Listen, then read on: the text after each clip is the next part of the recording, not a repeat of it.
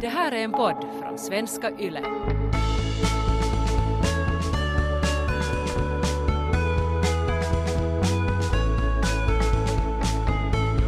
varje vecka att liksom sätta oss ner och prata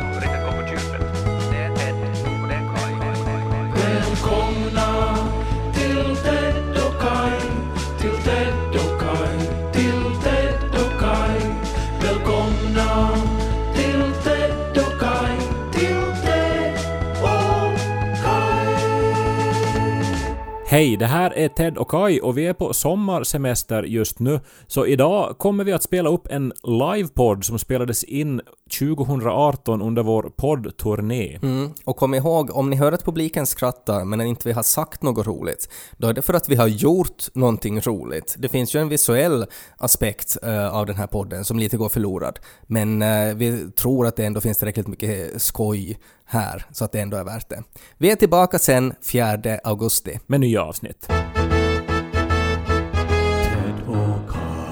Hej! Hej på er! Uh, sista livepodden. Vi har hållit på en vecka och turnerat runt uh, hela Finland tänkte jag säga, Ja. men inte riktigt. Vi Nej, har men, förstås alltså, det längs som kusten. räknas av Finland tycker jag.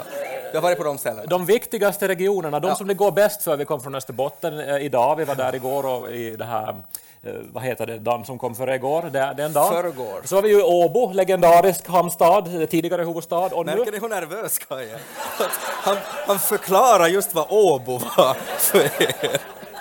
Det är jätteroligt. Ska vi, får jag bara säga, uh, Kaj Korkeaus han lider ju av stamning, det är väldigt många i Finland som lider av stamning. Ja, Bra. Jag, jag, jag bad Ted uh, att vi liksom ska inleda med att på något Ja. vis nämna den saken. Men man sant. måste inte göra det så där tydligt. Man, Men jag kan, har gjort det nu tre gånger tidigare. man kan smyga in det. Nej men så är det ju. Att, Ja. eh, Jag vet inte, ni har ju säkert lyssnat på vår podcast, men det som ni ju inte vet är att den ju spelas in i ett litet slutet rum och sen får Ted Forsström med sån här magnetband hem till sig och sen så håller han på i flera timmar och klipper bort alla mina stamningar. Mm. Så är det, det är bara liksom tystnad, liksom timmar av tystnad.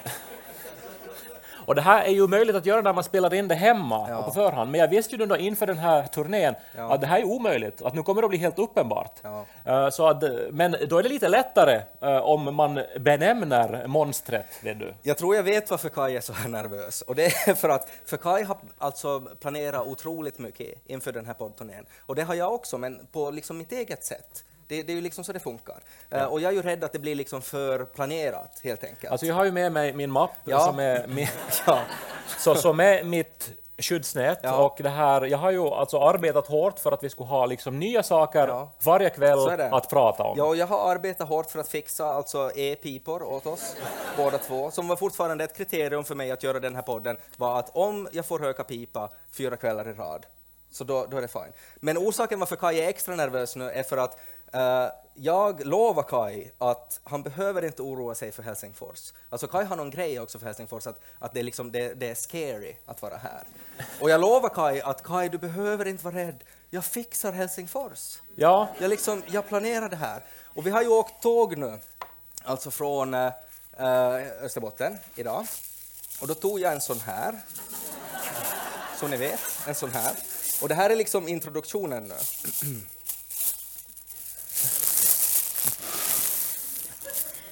Kaj, vad tycker du om mina VR-glasögon? Wow, åh! Wow, oh. Så det här, det har jag planerat. Och, sen, och, och det tog fyra timmar. Och sen, men det som är bra är att om du får riktigt jobbigt så kan du liksom andas sen i den här. Så är det liksom... alltså jag lät ju dig vara i fred på tåget för du sa att du skulle skriva för ikväll. Ja, jag hade en egen kupé där jag var. Ja. Och, eh, och, eh, Men det var alltså de här VR-glasögonen nu då? Ja. Det var det som var grejen? Jag tycker det här, det, det är liksom, alla förstod det, det var liksom ett skämt. Och nu, får, nu, nu har jag liksom, nu har jag börjat. Men vi har ju 53 minuter kvar. Ja, ja, jag vet det. Men Nej, men, ah, okej. Du har ju den där mappen. Jag har ju den här mappen nu då, tack. Vad bra att jag har den. Nej, Ja. men alltså så här är det ju, alltså, vi har ju rest runt nu då till städer som, vi, alltså, som på, på ett eller annat sätt har varit viktiga för oss. Ja. Eh, Ändå att vi har putt där, eller att vi är därifrån, eller att vi bor där nu. Eh, Men alltså i Åbo, det var jättelätt att hitta på liksom olika saker att prata om, för att Ja, det hände så mycket det har konstigt hänt där. så mycket i Åbo och det har varit liksom mycket, mycket ångest. Alltså vi hade ju svårt att hitta någonting glatt med Åbo, egentligen.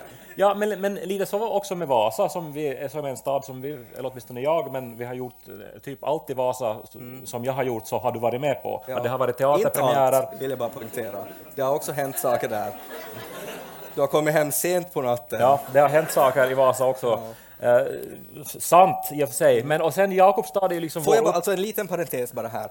En gång eh, när Kai var riktigt kär, och det var ett sådant tillfälle att, att, eh, att det hände saker som, som jag kanske inte ville vara med om, så, så bara liksom... kommer nu. Ja, nej, för, att, för det, liksom när man är riktigt kär i ett nytt förhållande, Vart tog den där påsen om jag måste ta den här? det var bara liksom, vi, vi delade liksom, alltså vi, vi hade olika rum men det var väldigt tunna väggar. Och det lät som, när jag skulle sova så lät det som, alltså, som att jag var i en grotta och, och att det liksom droppade från så här stalagtiter i taket. Alltså som var liksom som de här välkomstkyssarna när, när din pojkvän kom dit. Att det, var, det var liksom bara... Alltså det lät som att det liksom hela tiden droppade. Men du låg och lyssnade på det här då? Nej, jag ville ju du inte hör. lyssna på det, men Ja. det blev, alltså det är som när en kran droppar också, alltså man blir ju crazy till sist. Okej, det här, ja, eventuellt har det här hänt, eventuellt så hittar du bara på det här nu. Nej, men det var en parentes. Ja, men, men, men exakt, alltså, vi har liksom historier om alla städer, men när vi skulle börja, eller när jag då skulle börja som försöka skriva någonting om Helsingfors, Mm. att vad har stan betytt för mig, så, så jag bara hittade ingenting. Och jag tror, Stan har betytt ingenting nej men jag tror att det är den här, är det Tolstoj som har det här med att eh, alla lyckliga familjer ser ut på samma sätt, men alla, alla är olyckliga på sitt eget sätt tror jag. Okej. Och, och li- liksom, då, då är det ju lite så att jag har varit så lycklig i Helsingfors. Ja, och, och det gör, alltså det. har ingen dynamik som man kan börja liksom Nej. skriva eh, saker om. Så det är liksom, du har varit så glad så att det är tråkigt. Alltså det, det är inte något att berätta om. Nej men ja, alltså, alltså att jag har på något vis hittat någon sorts harmoni här, så Ja. som inte jag har haft i Åbo, inte i Vasa, inte i Jakobstad. Men här i Nej. Helsingfors så är det på något vis liksom att jag andas ut och, och, och mår bra. Och då finns det ingenting att prata om Nej det. men det finns åtminstone mindre att prata om. Ja. Och, Men det kan nog hända, alltså, för du har ju tidigare också alltså, tjatat på det att du vill att jag ska blöda på mikrofonen, har du sagt. Och, och du tycker att jag gör det för lite. No, det är ju bild det här förstås. Ja, Att- men, men din blick är liksom så här som den där Kalima-scenen i Indiana Jones, att du vill ta i mitt hjärta och dra ut det. Nej, men jag tror alla som lyssnar på en podd så, så vill ju på något vis komma nära de som de lyssnar på. Och jag antar ju alltså att jag har ju liksom, alltså mitt hjärta är ju där ute alltid tycker jag. Ja. Mm. Eller åtminstone det är liksom mitt mål, att jag ska vara väldigt hudlös och så här, medan du mest pratar om djur. Nej, men för, alltså, jag har sagt det, alltså mitt hjärta är också här, men det, det, liksom, det händer inte så mycket. Det, alltså, det, det, alltså, det pumpar och håller på och sådär, men att det, det, det är inte liksom så mycket Tolstoj. Nej men det där stämmer ju inte. Jag menar, du har ju, precis som jag, har du ju tankar och känslor som arbetar eh, dygnet runt och så drömmer du och så har du eh, liksom rädslor och sånt. Men Ja. du bara pratar aldrig om dem för att jag tror du är lite rädd. Nej, men jag, alltså, om djur tänker jag ju också mycket, och det pratar jag gärna om. Ja. Men eh, det, det här är alltså en av de saker Mm. som vi har försökt råda bot på liksom under den här veckan Mm. genom att då live inför publik ställa Ted inför en massa fördomar om Ja. honom. Och att om ni har sett den här streamen som ju man också då har kunnat se under veckan Mm. så har ni, då vet ni det här. Att, eh, alltså inspirerad av den här podden, Fördomspodden, så har jag liksom då eh, genom att konfrontera Ted med fördomar Och de här fördomarna har du fått genom att prata med mina vänner. Precis, för att jag Ja. vet ju allt om Ted, Ja. så det är liksom omöjligt Och att... de är väldigt så här formulerade på väldigt samma sätt, alla de här vännernas fördomar. Ja, men du har liknande vänner, de jobbar Ja. alla i media, de är journalister Ja, och så och vidare. väldigt vältaliga är de också, och, och ganska sådär rakt på sak i vissa. Liksom nästan som att de alla har samma agenda också. Ja. Men jag tycker, för jag har ännu då eh, i mitt uh, häfte då med fördomar, eller mitt uh, sån här kuvert, Ja. eh, så har jag ännu kvar några som vi inte har hunnit ta. Så att jag tycker att vi ska ta dem Ja. nu här ikväll och försöka liksom se då, för alltså grejen är att när man får höra en fördom om sig själv så reagerar man på ett annat sätt. Man liksom hamnar på något vis att, eh, att liksom tänka att är det här Nej, sant? men, ja, men det blir en sån snabb analys, att vad är det som jag utsöndrar som får Kaj att tycka sådär om Eller utstrålar. Utstrål, utsöndrar. Ja, Det kan också vara en sån sak. Det kan vara en sån fundering också. Det kan eventuellt vara så. Hoppas jag inte utsöndrar någonting. Nå, men om vi nu då ser det här nu då, så liksom i vitögat så, så märker vi hur effektivt det här är. Ja. Eh, Det här är nu då någon som har skrivit det här då, om Ted. Eh, Ungefär en gång i veckan slås Ted Forsström av samma tanke, men trycker genast undan den, att det inte var en klockren idé att ge pojken namnet Lo.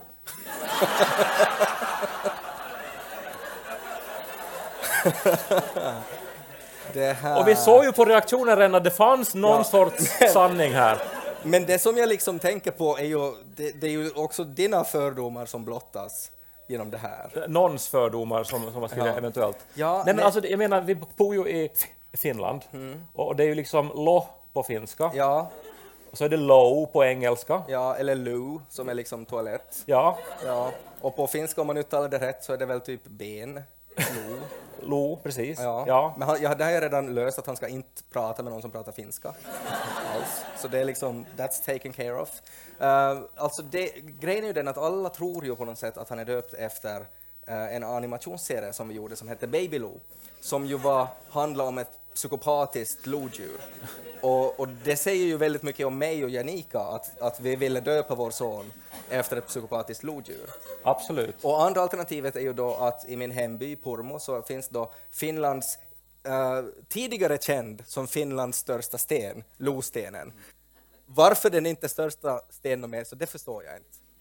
Att, att har, någon liksom från Essie då farit med grus och hällt på en annan sten i liksom 20 år tills den har blivit större. Det förstår jag inte. Men det är liksom alternativ två. Ja. Eller så finns det då alternativ tre, att både jag och Janika tyckte att det var ett fint namn. Ja, ja, ja, men det är ju ett jättefint namn, men Ja. kanske inte klockrent Men- i Finland. Det var ju det som var fördomen här. Nej, men vi, vi, vi bara visste, vi, vi, vill, vi ville att det skulle vara någonting som, som kändes... Som är sådär- omöjligt att uttala och nej, förstå. nej, utan som är sådär, liksom har någonting att göra med naturen och som, som är lite sådär, al- alltså inte så här som alla andra heter. Ja, nej. Vilket är också dumt, för att jag ville ju inte heta Ted när jag var liten. Just det. För det var ju ett sånt här konstigt namn. Jag ville heta Gunnar. för, vilket idag också känns konstigt varför jag ville det. Det är också roligt att i din familj så är ju på något vis eh, männen döpta efter rovdjur. Din pappa heter ju Ulf, Mm. alltså varg. Ja, och min bror heter Dennis. Okej, Som nu nu förstör du det här. Från den här kända rovdjuret Dennis. Vi har skjutit fyra Dennis. Du förstör ju hela vet- vitsen nu då att det finns Jag tror att Dennis har rivt mitt får. Skolbarnen är rädda i Malax för Dennis. Det är ju också ett sätt med vargdebatten om man ska ge dem alltså personliga namn. nu, har, nu har Dennis rört sig. Alltså för att lite sänka liksom hotet. Ja, ja. Men så det där var ju bara bullshit det där som du sa. Vi tar nästa fördom tycker jag. Här. Det finns så många här så vi, har, vi måste gå snabbt vidare. Eh, när Ted Forsström i sin ensamhet klipper Ted och Kai-podden och för tusende gången måste editera bort Kais stamning händer det att pulser av ilska bultar i hans huvud och numera är detta enda tillfället där han hänger sig åt den ovana han annars lyckats träna bort att svära tyst för sig själv. Det här, Så vad var, alltså vänta, vad var frågan där? Just det, alltså att jag blir arg för att du stammar och så måste jag klippa bort det. ja, men det här hade jag skrivit faktiskt, den här fördomen kan jag säga. No, men alltså, nu skulle det vara skönt om du inte skulle göra det. Så är det ju förstås. Alltså, Ja, ja. det är ju mera jobb åt mig. Den där sa sig själv, jag tycker vi tar nästa här nu då. Om Ted Forsström hamnar på en öde ö och skulle få välja mellan att ta med sig familjen eller valfri spelkonsol så skulle han ha svårt att välja spelkonsol. Ja, men det skulle jag ha. faktiskt. Det är helt sant. Alltså, skulle det komma mest ström? Ja, Alltså, det, det ska du inte liksom inte intellektualisera det här, utan det här Nej. handlar bara om att var är dina prioriteringar, var är Ja. ditt hjärta? Ja. Och, och du utstrålar ju alltså liksom Vad är du det som jag utstrålar? Nej, men att du Nej, helst är det. skulle sitta med din padda i handen istället för din Ja. son. Istället för min son? Ja. Att jag skulle ha, ha honom här? Ja, mm. Alltså, hurdan öde ö. Det här är så svårt, det här är så svårt. Nå, men den här då? eh, Det var en lång för. nå, eh, den här är egentligen tredelad, men vi, vi ska se nu om vi tar alla delar här. Eh, Ted Forsström visar upp en liberal och progressiv fasad, men är innerst inne både konservativ och en vän av ordning. Och här finns då några exempel. Eh, Det mest vågade stället Ted Forsström haft sex på är ett Sokos hotell.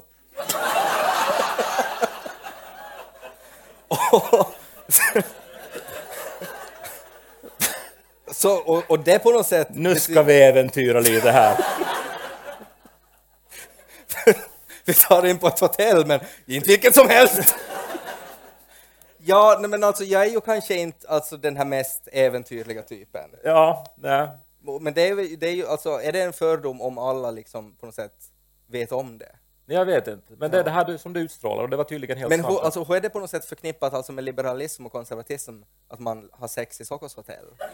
Så då är du en konservativ människa? Ja, eller alltså att liksom längre än så så sträcker sig inte din fantasi om vad man skulle kunna göra, liksom, I vad som är möjligt. Ja, eller så här, jag vet ju, det är någon som har skrivit det. Ja, nej, Ja. just det. Ja, nej, men alltså på, om man liksom tar bort det här specifika så, så, så det att jag kanske inte vill ha sex på så superkonstiga ställen, så det är kanske sant. Men jag är ju nog alltså ganska liberal. Alltså jag har nog varit mycket, mycket liberalare i livet. Än Här var några andra till exempel också. det, okej. Eh, Ted Forsström eh, är aldrig så konservativ som när det handlar om kroppsbehåring. Att ta bort kroppshår är för Ted Forsström fullständigt otänkbart. Eh, Då när vi gjorde barnprogram i Vasa så var jag ju faktiskt tvungen alltså att, att vaxa eh, min, min bringa. Det stämmer faktiskt. För att uh, budget, alltså om jag har förstått det rätt, det var invecklat, men grejen var alltså att vi hade så liten budget och det var så många avsnitt så vi var tvungna att, alltså, att ha typ alla kläder, liksom att vi bytte med varandra och hade dem in och ut och sådär så att det skulle se olika ut. Och så på något sätt hade vi liksom så uttöjbara, eh, så här, vad heter det? BH? Nej. Nej men alltså det här partiet här, att det visar så mycket. Och så var det någon då, säkert någon som påminner om någon som har skrivit om de fördomarna som tyckte att kan man faktiskt visa så där mycket brösthår i barnprogram? Och då togs det då ett, ett tydligen enhetligt beslut att Ted ska vaxas. Så det liksom, been there, done that. Precis, men det var ju då alltså av arbetsskäl. Ja, men varför skulle jag göra det så här privat? Nej, men exakt, Ja. precis. Ja, jag minns ju också när du rakade bort eh, skägget så började din son gråta när han såg dig. Ja, och min sambo och jag. Därför det var väldigt terapeutiskt. Det var, det var traumatiskt. Nåja. Men om vi nu tar en sista här nu då ändå, så, för jag menar alltså, okej, nu har vi hållit på med det här i fyra kvällar Mm. och jag har lärt mig en del om Ted, till exempel igår insåg Jag har lärt mig mycket om dig också, Kaj. Igår insåg vi att du har en sexuell dimension i ditt intresse för cowboys. Ja, det där, alltså jag har funderat på det där faktiskt och jag tror alltså en stor, alltså om man ska på något sätt dela in det i kategorier, så ena är på något sätt, alltså förstås alltså rent det här outfiten med cowboys, men sen tror jag det som, som är liksom mest upphetsande så är ju det där att cowboyen tar alltid först hand om hästen framom sig själv. Liksom hur shitty man än är, hur länge man har ridit, hur ont i reven man har, när man kommer till salonen så binder man fast hästen, borstar av den, ger den något gott och säger att den har varit en bra, bra häst. Men vem är hästen nu då för dig? Eller, eller vad, vad menar du? Alltså? Nå, det är väl du som är hästen då? Ja. Som, som tar mig från punkt A till punkt B i livet. och du rider på mitt material, det är det som du gör. Ja. Ja, i princip. När Ted Forsström ser sig i spegeln får han i princip alltid en kick av att se sitt eget hår. Det har varit mycket diskussioner om det där tycker jag. Nå, men nu är det ju någonting med den här manen här nu som, eh, som väcker avund. Så här. Alltså att jag har hår. Nej, och, men och alltså du har håret- sån här Dracula, sån här som far upp. Nej men jag har, jag har, jag har, jag har sån här finskt hår, så här Ja. tunt och liksom Ja. ointressant. Medan du ändå har liksom färg och du har liksom, det är tjockt och så vidare. Ja, Och du får en kick av det här. ja, och så luktar det toffe också. Toffe, toffevax, det är det bästa. Alltså, ganska så här, alltså neutral skulle jag säga. Alltså helt okej. Men inte liksom sådär att shit vad bra, men inte heller sådär att uff.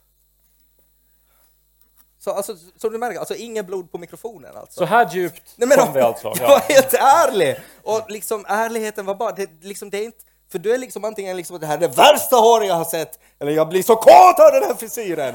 Så, jag är liksom där att, helt okej. Ja. Och, och då är det liksom, det, det är inte så häftigt, det är bara okej, ja. Sånt hår idag. Här är ju nu då en åsnebrygga då, för jag tror att den enda möjligen som har bättre hår än Ted Forsström, så är det den som har gjort vår, vår eh, underbara andra det. Eh, Daniel Häggman, vi måste ju lyssna på honom här innan vi riktigt kommer igång. I boen Pormo som talar sitt så popna popcorn så bredvid popnöderna popcorn så bredvid lys på Ted och Kaj. Visste du Kai, det här är bara en snabbis nu som, som Kai inte har gått med på, eh, att orangutangerna, på tal om hår, Mm. att nästan varannan orangutang har brutna ben i kroppen. För de har ramlat så mycket då, eller? eller? Exakt det! För att de faller från träden. Och är det inte otroligt sorgligt det? Så de går alla, alltså har liksom kronisk eh, Ja, de, smärta? de har kronisk smärta, de haltar omkring för de har fallit från träd. Att de borde ha hjälmar, Ja. liksom skyddsdräkter av något slag. Ja, Ja. just det. Men det var inte egentligen det jag skulle säga, utan det som jag skulle prata om var bara som vi måste diskutera, och jag vet att Kai inte vill att vi ska diskutera det här, men vi gör det riktigt snabbt. Eh, vi var ju då i, eh, vi var ju i Vasa förra veckan, eller häromveckan, och jag läste Vasabladet, uh, i, igår kom det här, rubriken Hamster hittades i simhallen. Kan vara Pepe som rymde hemifrån förra veckan. Och här är en bild av Pepe.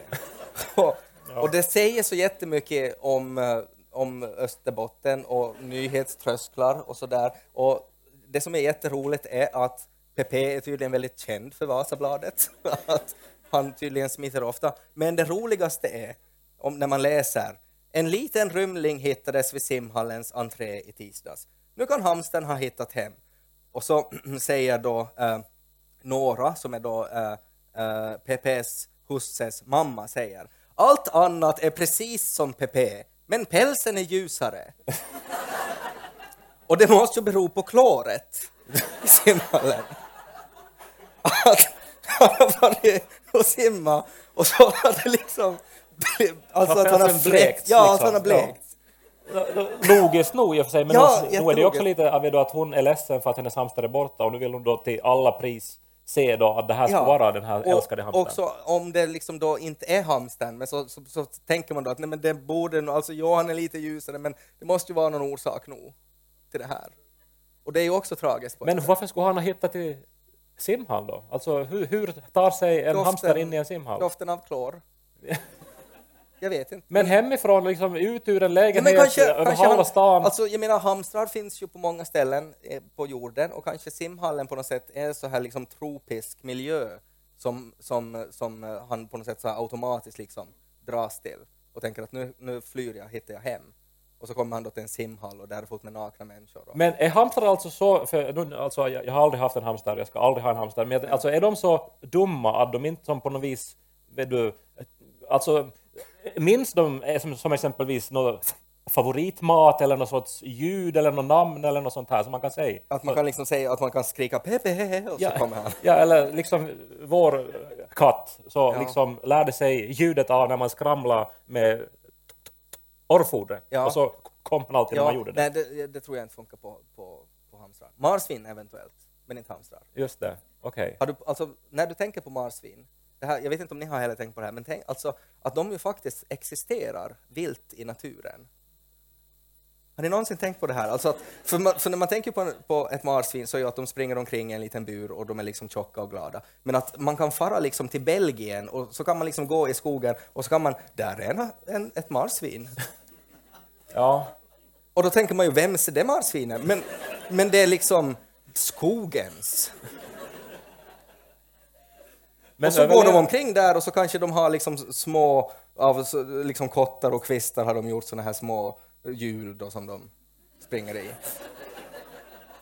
Och, och man ser inte dem så ofta för de bor alltså i hålor i den här skogen så det är väldigt svårt att se dem. Och sen är det också att de dör alltså jättelätt. Alltså, i, I det vilda så blir de typ så här ett år eller något.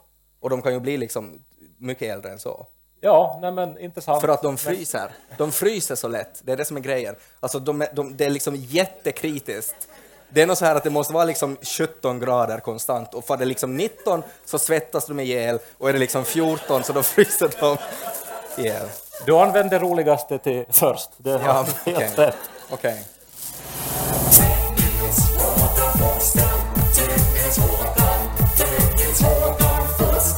Alltså det påstås ju att jag inte gillar fantasy och science fiction. Ja, alltså jag skulle inte säga att det påstås utan att... det är ju så, det här är alltså annars ett tips att ni får aldrig påpeka åt Kai att hans romaner innehåller eh, övernaturliga egenskaper, för det, det gör de faktiskt inte. Det, Det gör de inte. Man kan läsa dem på många sätt Ja. säkert, men att jag skulle säga att de inte nödvändigtvis Nej, gör att det skulle nej. på något sätt Nej. innehålla liksom spöken eller övernaturliga onda böcker som hamnar i helvetet. Det är lögn. Ja. Utan det är liksom... Men det påstås ju också som mycket annat liksom om mig, som att jag inte gillar humorgruppen Kai till exempel. Mm. Och, eh, men, jag menar, det är ju inte så här lätt. Nej, Det, det, det är inte så här lätt. Jag menar, det är ju som att du inte heller gillar fisk. För jag menar, inte innebär ju det att du inte skulle vilja att fisk inte ska få existera. Alltså, sen- det, det beror på. Sill tycker jag vi ska kunna skippa. Att, bara att, att vi tar ett sånt beslut. Ja, men jag menar, liksom, då går det ju som att pa- pa- panera fisk och så är det liksom Mm. gott. Ja, men inte sill, det kan man inte panera. Det tror jag inte man kan göra. Ja, men okej, men, men jag menar, det som jag menar är att även om inte jag då läser fantasy och Mm. science fiction, så är det ändå liksom olika saker med det som jag tycker att det är ganska bra. Ja, Eh, du eh, fascineras av det. Ja, exakt. Mm. Så, eh, och, och, och en grej är ju att det är ju hemskt många som läser det. Och allting som får folk att läsa så är väl, är väl ändå någonting bra, Det är jättebra. menar jag. Mm. Liksom. Men, men en grej som jag fa- faktiskt ärligt talat ofta fascineras av och som gör att jag då och då frestas att läsa fantasy är de här Mm. rätt så fantasirika premisserna. Mm. Alltså det är liksom att man har eh, alltså en, en rolig ändring i vår Mm. verklighet. Nej, men som i Game of Thrones, vi har årstider men de är bara jättelånga. Ja, och liksom Mm. vad leder det här till då? Alltså att det är som på något vis en premiss som öppnar upp eh, liksom för, för liksom nya sätt att tänka. för Det är ju hela grejen, alltså hela grejen med fantasy och science fiction. Är det ju det, för att om man lyckas med det där så då, då påverkar det allt annat och så blir det jätte så här invecklat men om man får ihop det så är det ju jättebra. Ja, och jag menar Mm. det där gillar jag. Men i övrigt är jag nog lite som orolig. Jag menar, alltså räcker det inte liksom med äkta känslor Jag sånt? tror ju fortfarande alltså att Knausgårds Min kamp skulle vara bättre om han skulle kunna trolla. Att det skulle vara precis samma upplägg, men han skulle kunna trolla. Ja, men det där är intressant, för alltså, där, där, då, när du sa det där, alltså för Mm. vi pratade då i ett avsnitt om Knausgård som ju skriver om sitt eget liv otroligt detaljerat och levande. Mm. Ja. Och eh, det är en underbar eh, romansvit det här. Mm. Eh, Men så sa du då att just det här, att om han skulle att trolla så skulle det vara intressantare. Ja. Och det, det håller inte jag med om, men det skulle vara intressant att läsa en sån bok Mm. som skulle vara skriven på det där, Autofiktion av en trollkarl. ja, Ja, det Liksom- skulle vara jätteintressant. ja. Mm. Och jag menar, det är ju då en intressant premiss. Ja. Men som författare då som sagt så inspireras jag ju då av såna här utgångslägen som kanske öppnar en ny historia då. En, en, en, en ny värld liksom. Ja. Och eh, jag har nu då alltså försökt själv hitta på lite fantasy Har du skrivit fantasy? Nej, jag har inte gjort det, men jag har försökt hitta på lite idéer.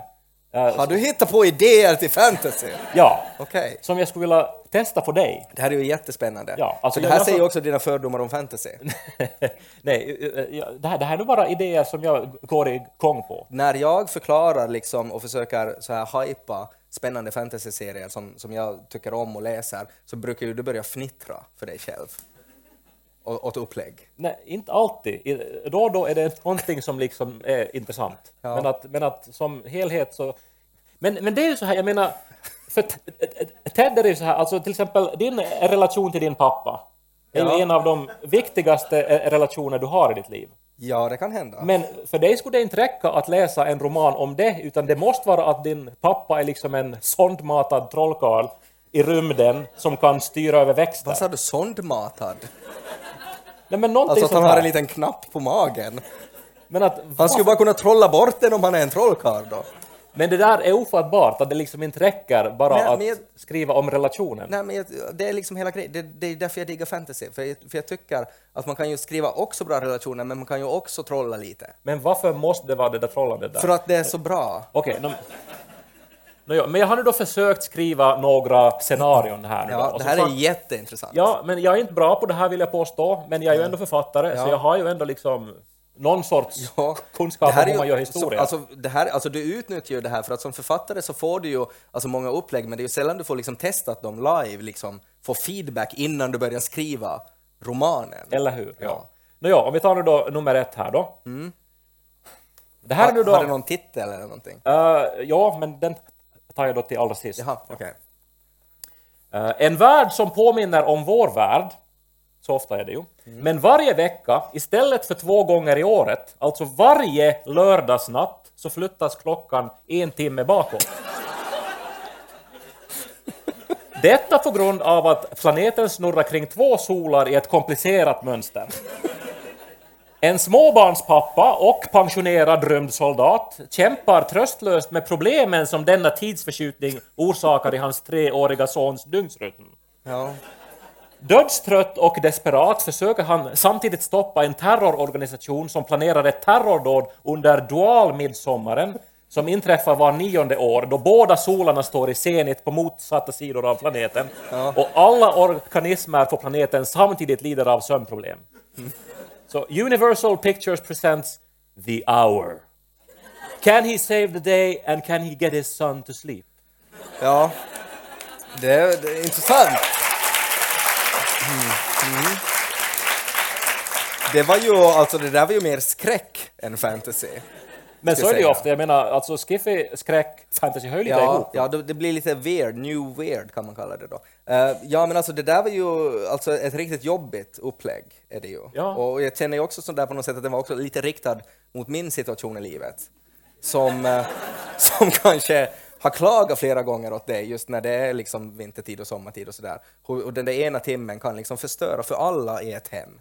Ja. Eh, och framförallt då för ett litet barn som sen förstör för alla. Och det här skulle hända en gång i veckan. Ja, det är ju väldigt otroligt faktiskt.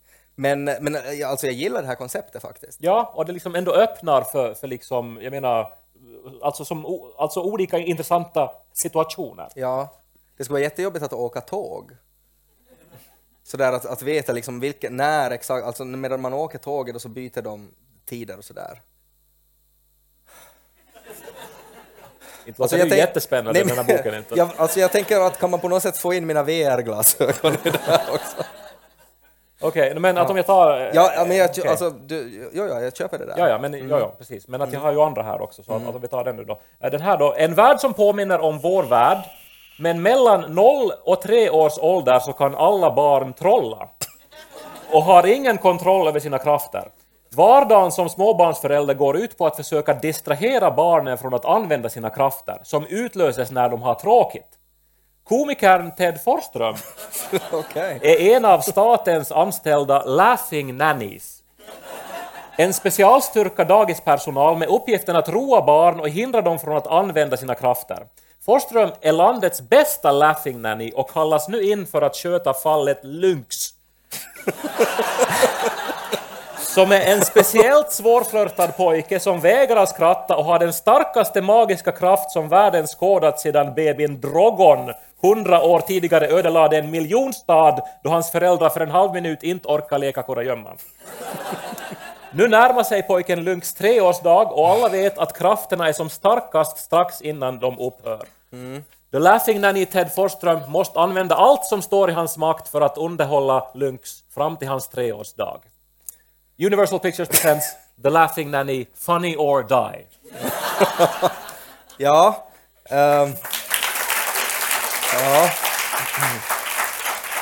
Kanske inte förtjänar applåd lika mycket som förra. Kanske det där. Alltså, här är ju problemet med fantasy, alltså en fallgrop som du redan gått i. Okej. Alltså för att med ett sånt här upplägg, alltså att, att det är på något sätt så här vild magi som härjar i barn mellan 0 till 3 år, så det skulle betyda att barn inte skulle vara en del av samhället tills de fyller 3 år. Nej men alltså de är specialdagisar som, alltså där just de här Ja, men det låter så osäkert. Det, det, det, de skulle måste vara liksom på något så här som man liksom satte de som var spetälsk på öar, liksom att man, de skulle måste helt borta. Ja, men eventuellt så är det här dagiset på en ö någonstans. Jag menar, jag tycker det är ett, Är de isolerade de här barnen också, att de inte kommer i kontakt med andra barn? möjligen. Jag har Ja. inte kommit så långt ännu. Ja. Ja. Nanny är ju ett jättedåligt namn. För att det låter ju som att det är nannyn som skrattar, alltså det är ju inte att, att det är nanny som should make the children laugh. Men eh, ja, Ja, okej. alltså du tycker att jag är någon sorts clown, det, det är liksom det. Men jag menar också, också den här, den- den här liksom skräcken att, vet du, att, alltså, alltså räcker min, min eh, komiska ådra till? Det, det är ju liksom som att man skulle kunna använda liksom från sitt eget liv Ja. när man har stått på scen. Alltså ta liksom äkta känslor och lägg in i det här. Ja, I trailern så ska man bara höra liksom, det ska vara så här skräckfilmsmusik och så hör man bara ett barn som skrattar och skrattar och skrattar och skrattar och så blir det helt tyst. Och så en explosion. En explosion här. Ja, alltså helt okej. Inte lika bra som The Hour. Nå, jag har en till då. Jag tycker att det finns liksom ett visst tema också i de här uppläggen. Den tredje då handlar om kungariket Munksnesien som står inför en politisk och militär katastrof. Ja, just det. Det rivaliserande kungariket Turbostan har blivit allt mer aggressivt och man fruktar nu att denna militärt överlägsna makt ska anfalla Munksnesien med ödesdigra konsekvenser. Samtidigt är inrikespolitiken i gungning. För på grund av en otroligt djupt sittande konflikträdsla som gränsar till handlingsförlamning så har konungen och drottningen av Munksnesien varit otroligt tillåtande i sin uppfostran av kronprinsen. Vilket lett till en kaotisk situation på slottet där kronprinsen i princip bestämmer över allting fast han inte ens är tre år. Munksnesiens sista hopp är The Rainbow Warrior. En legendarisk och muskulös hjälte med fasta principer och sunt förnuft. Och att han nu då ska lyckas reda upp kaoset med kronprinsen. Eh, I en hejdlös kamp mot tiden måste kungen av Munksnesien hitta The Rainbow Warrior i mörka technoklubbar på planeten Berlinus. För att övertyga honom om att komma hem, få rätt sida på kronprinsen och hela riket. Och Universal Pictures presents The Rainbow Warrior. Everybody knows him, but he knows only discipline. Ja. här är grejen. Jag tänkte, den här måste komma applåd på.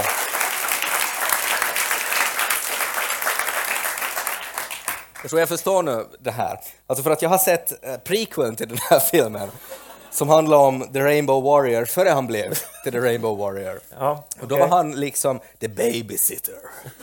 Eh, och, eh, och han var då en person som man inte ringde ofta till för att han var väldigt upptagen med att dricka skumpa och vara på så här riktigt, alltså bögfester helt enkelt.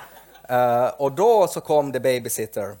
Och jag tror att, att kungen och drottningen skulle säkert på någonting som de måste få, alltså typ till domstolen eller någonting. Och det skulle ta max 10 minuter. Och the babysitter kom dit eh, och, och Alltså vi, höll, vi har haft sån här mellanfas. Vi ska försöka få bort den här blöjan av kronprinsen. Och alla som har försökt få bort blöja av kronprinsar vet att det är inte så lätt. Eh, Med eh, disciplin och strikta regler, tror jag. Ja, att man skulle lösa det här också. Till och med med disciplin och strikta regler så händer det ibland alltså små så här kronprinsmissöden. Eh, och, eh, och, och, vi höll liksom på och, och, det var en så övergångsperiod till liksom pottan och blöjan. Och det var just där de här perioderna möts, det var då som babysittern kom, kom dit.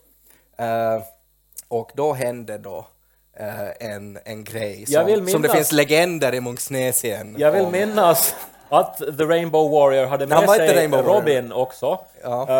Eller vad heter, ja kanske det taget, vi kan säga Nico då. Ja. Eh, och att det här, de skötte det exemplariskt. Nej. Utan förhandsinformation så hittade de rena uh, byxor och de liksom Ja. städade upp allting. Ja, så här, och alltså när vi kom, när, de vi kom, tvättade mattan. när kungen och drottningen kom tillbaka från domstolen så satt The Rainbow Warrior satt liksom så här i soffan, så här. Eh, med en cigarett fast, fast The Rainbow Warrior har slutat röka för länge sedan. Och han hade liksom så här, alltså, eh, alltså ni har sett Apocalypse Now. Alltså den där blicken som de har när de har liksom sett saker som de vet att de aldrig kommer att inte kunna se igen. Uh, så den blicken fanns då hos The Rainbow Warrior.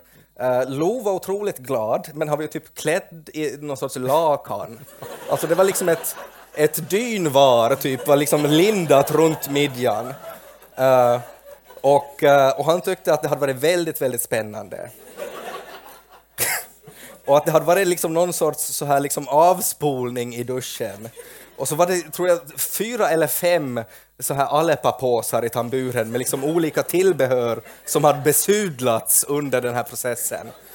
Uh, och efter det här så har liksom The Rainbow Warrior inte suttit still i Munksnäsien på, på väldigt länge. Så, och jag tror att det kanske är någonting i det här som har på något sätt uh, påverkat manus till, till den här historien.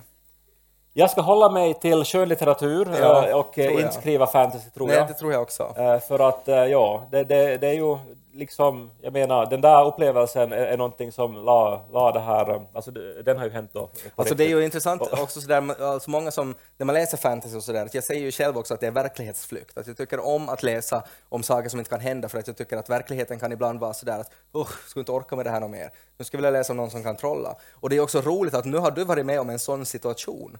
När du har då träffat kronprinsen och varit med om det här, att det här har fått dig att faktiskt vilja fly in i en fantasyvärld för att bearbeta det här traumat. Alltså din sons rumpa var ju som en taco fylld med liksom onämnbara saker. Liksom. Ja, extra allt. Men vad har du förväntat? Liksom, vad trodde du då? Nej men, ja, inte det där, jag vet inte. Men, men, och sen också så, så, så, så, så klev han ju i det och sprang iväg över mattan. För att ni hade säkert liksom satt ut några gardiner eller något där runt. Ja. Ja, Det var en skräckhistoria kan vi säga. Det var ja. det. Jag tror vi måste ta en, ett, ett jingle här emellan för Ja. att lite lugna ner oss. Kai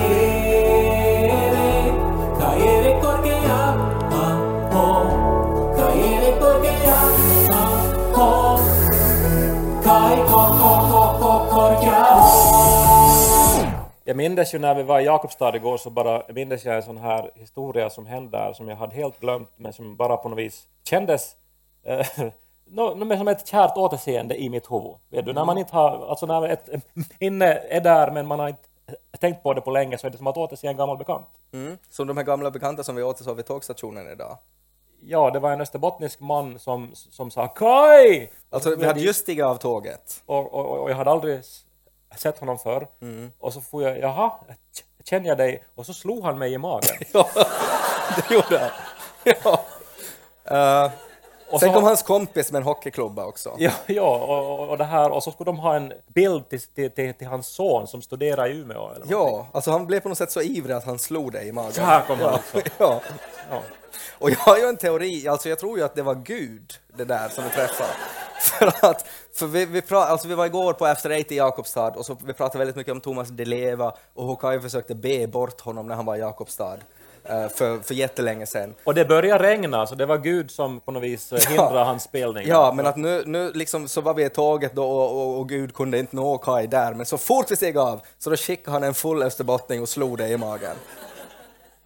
Men det var en parentes. Det var en parentes. Ja. Men då när, jag var en gång eh, och pratade på biblioteket i Jakobstad om någon roman jag hade skrivit, så efteråt när jag stod och lite signerade böcker så, så kom en äldre krokig man Mm. bort till mig och eh, jag som så, såg då att han hade någonting på sitt hjärta.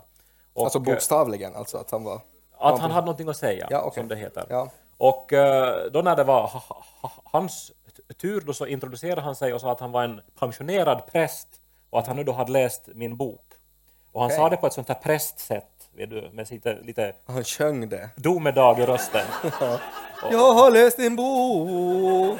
Nej men med sån här mörk, sån här re, re, respektingivande stämma och Ja. sen en paus efteråt att Just det. jag har läst din bok.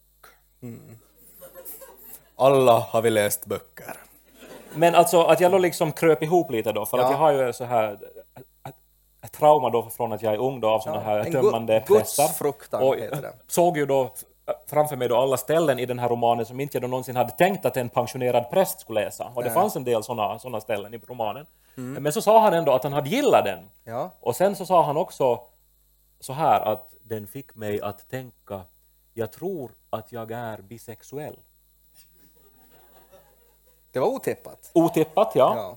Och eh, sen har han med sig då sin, sin bok som han vill att jag ska skriva i då och jag är som helt så här över, eller som, på, nå- på något vis, alltså överrumplad. Men sa han på något sätt vilket ställe som fick honom då?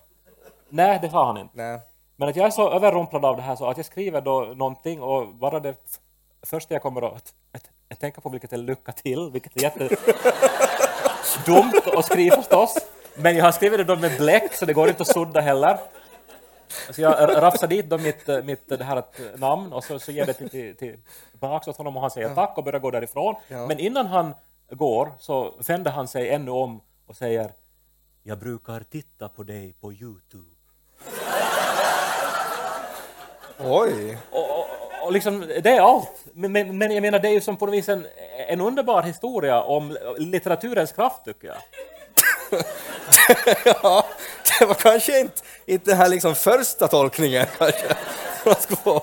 Nej men alltså att via att liksom läsa så, så, så kan man även om man är liksom en, nu vet jag ju inte hans liv, men eftersom han nu då som pensionär hade insett att han var bisexuell. Ja. Jo, jo, men alltså om någon säger att jag brukar titta på dig på Youtube, så liksom den normala reaktionen är uäck. Men då bara, men vilken litteraturens kraft, oj oj! Nej, men då så, så får jag ju förstås paff, men i efterhand har jag insett att det här är ju som jätteunderbart. Ja. Också, det är också som jag på något vis älskar eh, med- mest med att skriva, att man inte vet vilka som läser och hur de reagerar på Du det. kan alltså skriva homosexuella relationer så sexigt så att präster blir gay. Det är ju otroligt alltså. Det är ju en jättefin Det, bo, recension. alltså, det borde ju vara alltså sådär, det är en blurb på alla dina romaner. Till och med präster blir upphetsade av det här. Se Kai på Youtube också. Men det är, jätte, men då är det ju jättefint. Jo. Ja. Jag undrar ju liksom vilket klipp på Youtube det han har sett på då. Jag vet inte vad det finns ens. Det är ju det här när vi, när vi är utklädda till kvinnor och har skolungdomar på stafettkarnevalen att skrika “Suck my dick”. Ja. 2007. Eller när vi är utklädda till gamla karlar. Det är liksom, det är inte så mycket däremellan. Men i alla fall, läs litteratur, gott folk. Ni kan Ja. hitta nya sidor hos er själva.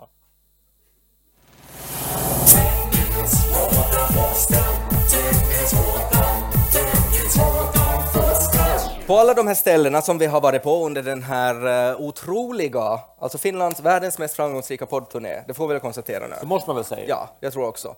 Eh, så har vi på alla ställen på något sätt försöka hitta någonting i vår gemensamma produktion som ska på något sätt symbolisera just det här stället. Igår till exempel när vi var i um, After Eight i Jakobstad så då läste vi en, en sketch som heter Fyndhörnan som vi hade i Radio Pleppo som var en, en sån jätteösterbottnisk Uh, alltså det, det var ju egentligen alltså, eh, det var ju inte liksom påhittat utan det var på något sätt hur vi mindes att radio var på ja. Ja. Precis. ja.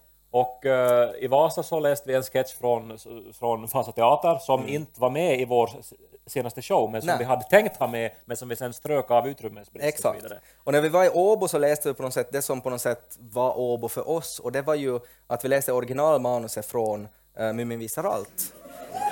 Eh, och, och det togs ju emot eh, väldigt alltså så här otippat, att vi trodde ju inte att det skulle tas emot så som det togs emot. Nej, det är ju så. Och, och, och, och sen så blev vi ju livrädda att vi hade gjort det, för att vi, vi kom, ni har ju sett det här stämningsbrevet som vi har här i mingelområdet.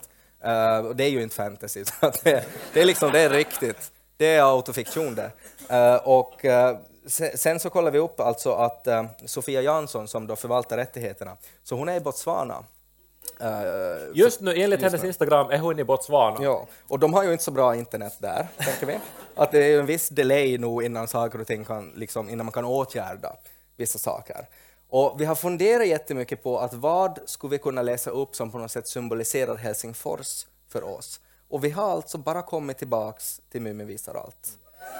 För att för det började, alltså det började i Åbo och det ledde till att vi fick göra en massa saker och det, alltså på ett sätt så kan man ju säga att, att det gjorde att vi, vi började befinna oss i en dimension som ledde till att vi bor i Helsingfors idag. Precis, alltså det startar en tidslinje från det där stämningsbrevet Mm. som leder till att vi är här idag. Ja, Och, och liksom, alltså allt som har hänt de senaste 15 åren så startar från det här otroligt korkade manuset Ja. som jag hittade på en Ja. gammal dator. full med svordomar. Full uh, och liksom makes no sense och liksom helt dumt i huvudet. Nej, och också, men det som är kanske konstigast är ju att vi faktiskt hade manus till det. Eh, Att vi faktiskt liksom printade ut, och på den tiden, liksom, det var ju dyrt att printa ut, vi var ju fattiga studerande och sådär. Men att vi ändå var liksom att vi ska göra det ordentligt. Ja. Så vad bättre sätt att avsluta den här livepodd-turnén än att eh, ta oss tillbaks där allting börjar nu då. Och läsa nu då avsnitt ett av Mumin visar allt. Eh, som det skrevs 2004 Och eh, vi, vi har inte ändrat något här nu då. Jo, vi har, vi har ändrat, för alltså, du har ju också pratat hela, alltså under alla de här kvällarna att jag blir mer och mer lik Leif GW Persson. Jag har ju börjat kalla mig Ted PC Forström också. Eh, och, och jag, jag tänkte faktiskt prata om det, att jag har fått liksom ont i, i, i liksom ena låret på något sätt. Eventuellt för att jag har suttit så här så länge. Och det är ju också lite sådär Leif GW Persson. Ja, men har vi ändrat i det här manuset för den sakens skull? Nej, jag tänker alltså, jag menar de här rösterna är ju inte heller helt, liksom att vi har blivit lite sådär skrovligare nog. När du har rökt så mycket pipa nu så du har blivit lite mörkare i rösten när du gör din Mumin här. Men vi tar det här nu så kort vi kan 15 år senare och så ser vi var vi landar och hur det känns. Ja. Eh, Avsnitt ett står det. Mumin-mamman står och bakar i köket. Hon nynnar och ser ut att vara riktigt fridfull. Mumin kommer in. Mamma! Inte skulle du råka ha något karki? Inte brukar vi ju äta godis annat än på lördagar. Då har du ju din godisdag. Men då jag är så snål! Kan inte jag få redan nu? Men kära vännen, det är inte bra för dina tänder att ofta äta godis. På lördag får du ju din godispåse som vanligt. Drick lite hallonsaft istället, det tycker du ju är gott. Helvete! Vad sa du vännen? Ingenting! Jag går ut på verandan. Gör du det? Jag ska fortsätta baka. Mumin är ute på trappan. Nu är det ju vitsis kärring. Aldrig får man något. Pappa kommer gående, letar febrilt. Oj vittu, jag glömmer hela tiden vittu vart jag har satt mina rökin.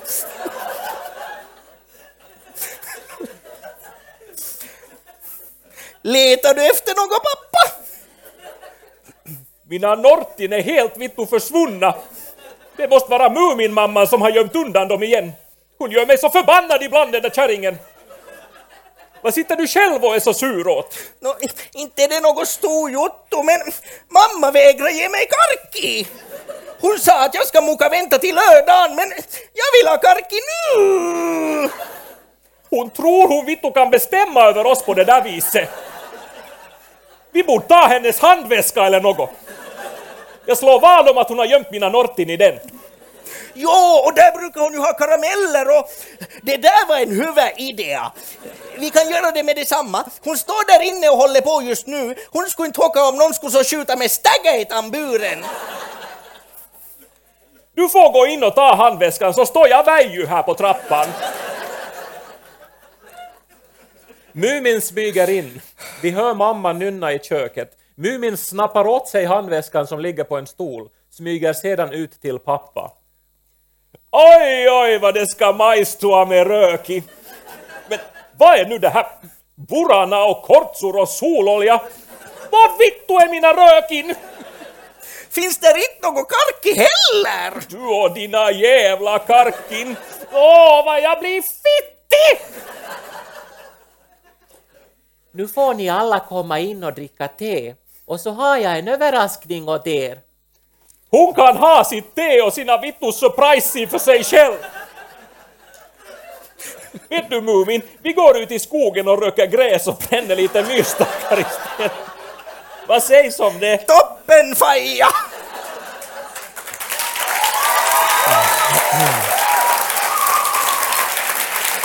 Ja.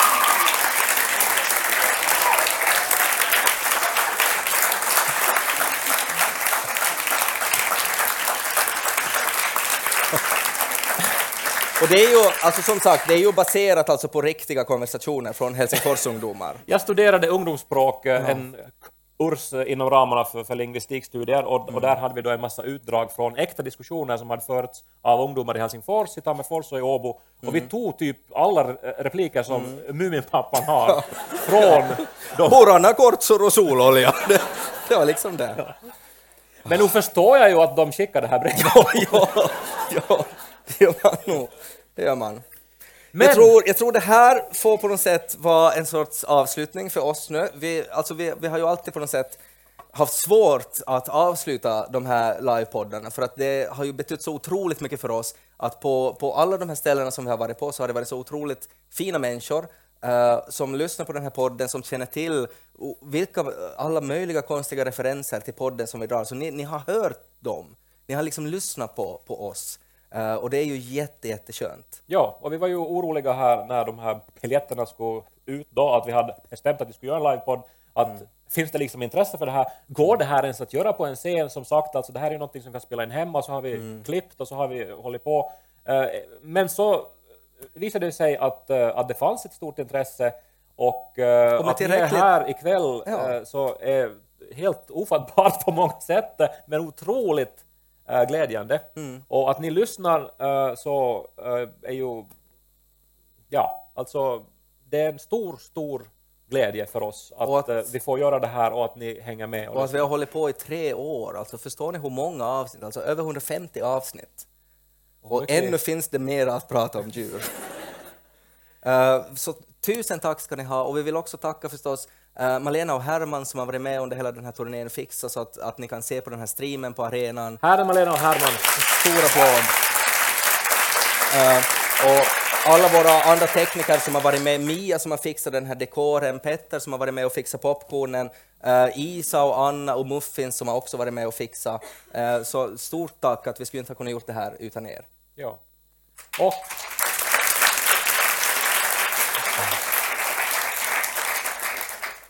Och vi hoppas att ni ännu fortsätter hänga med i Edokai-podden som ju kommer fortsättningsvis varje onsdag.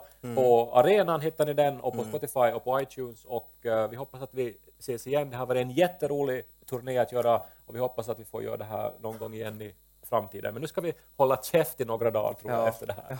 Men stort tack för att ni kom och ha en jättefortsatt trevlig kväll och trevlig vinter. Tack för oss! Thank you.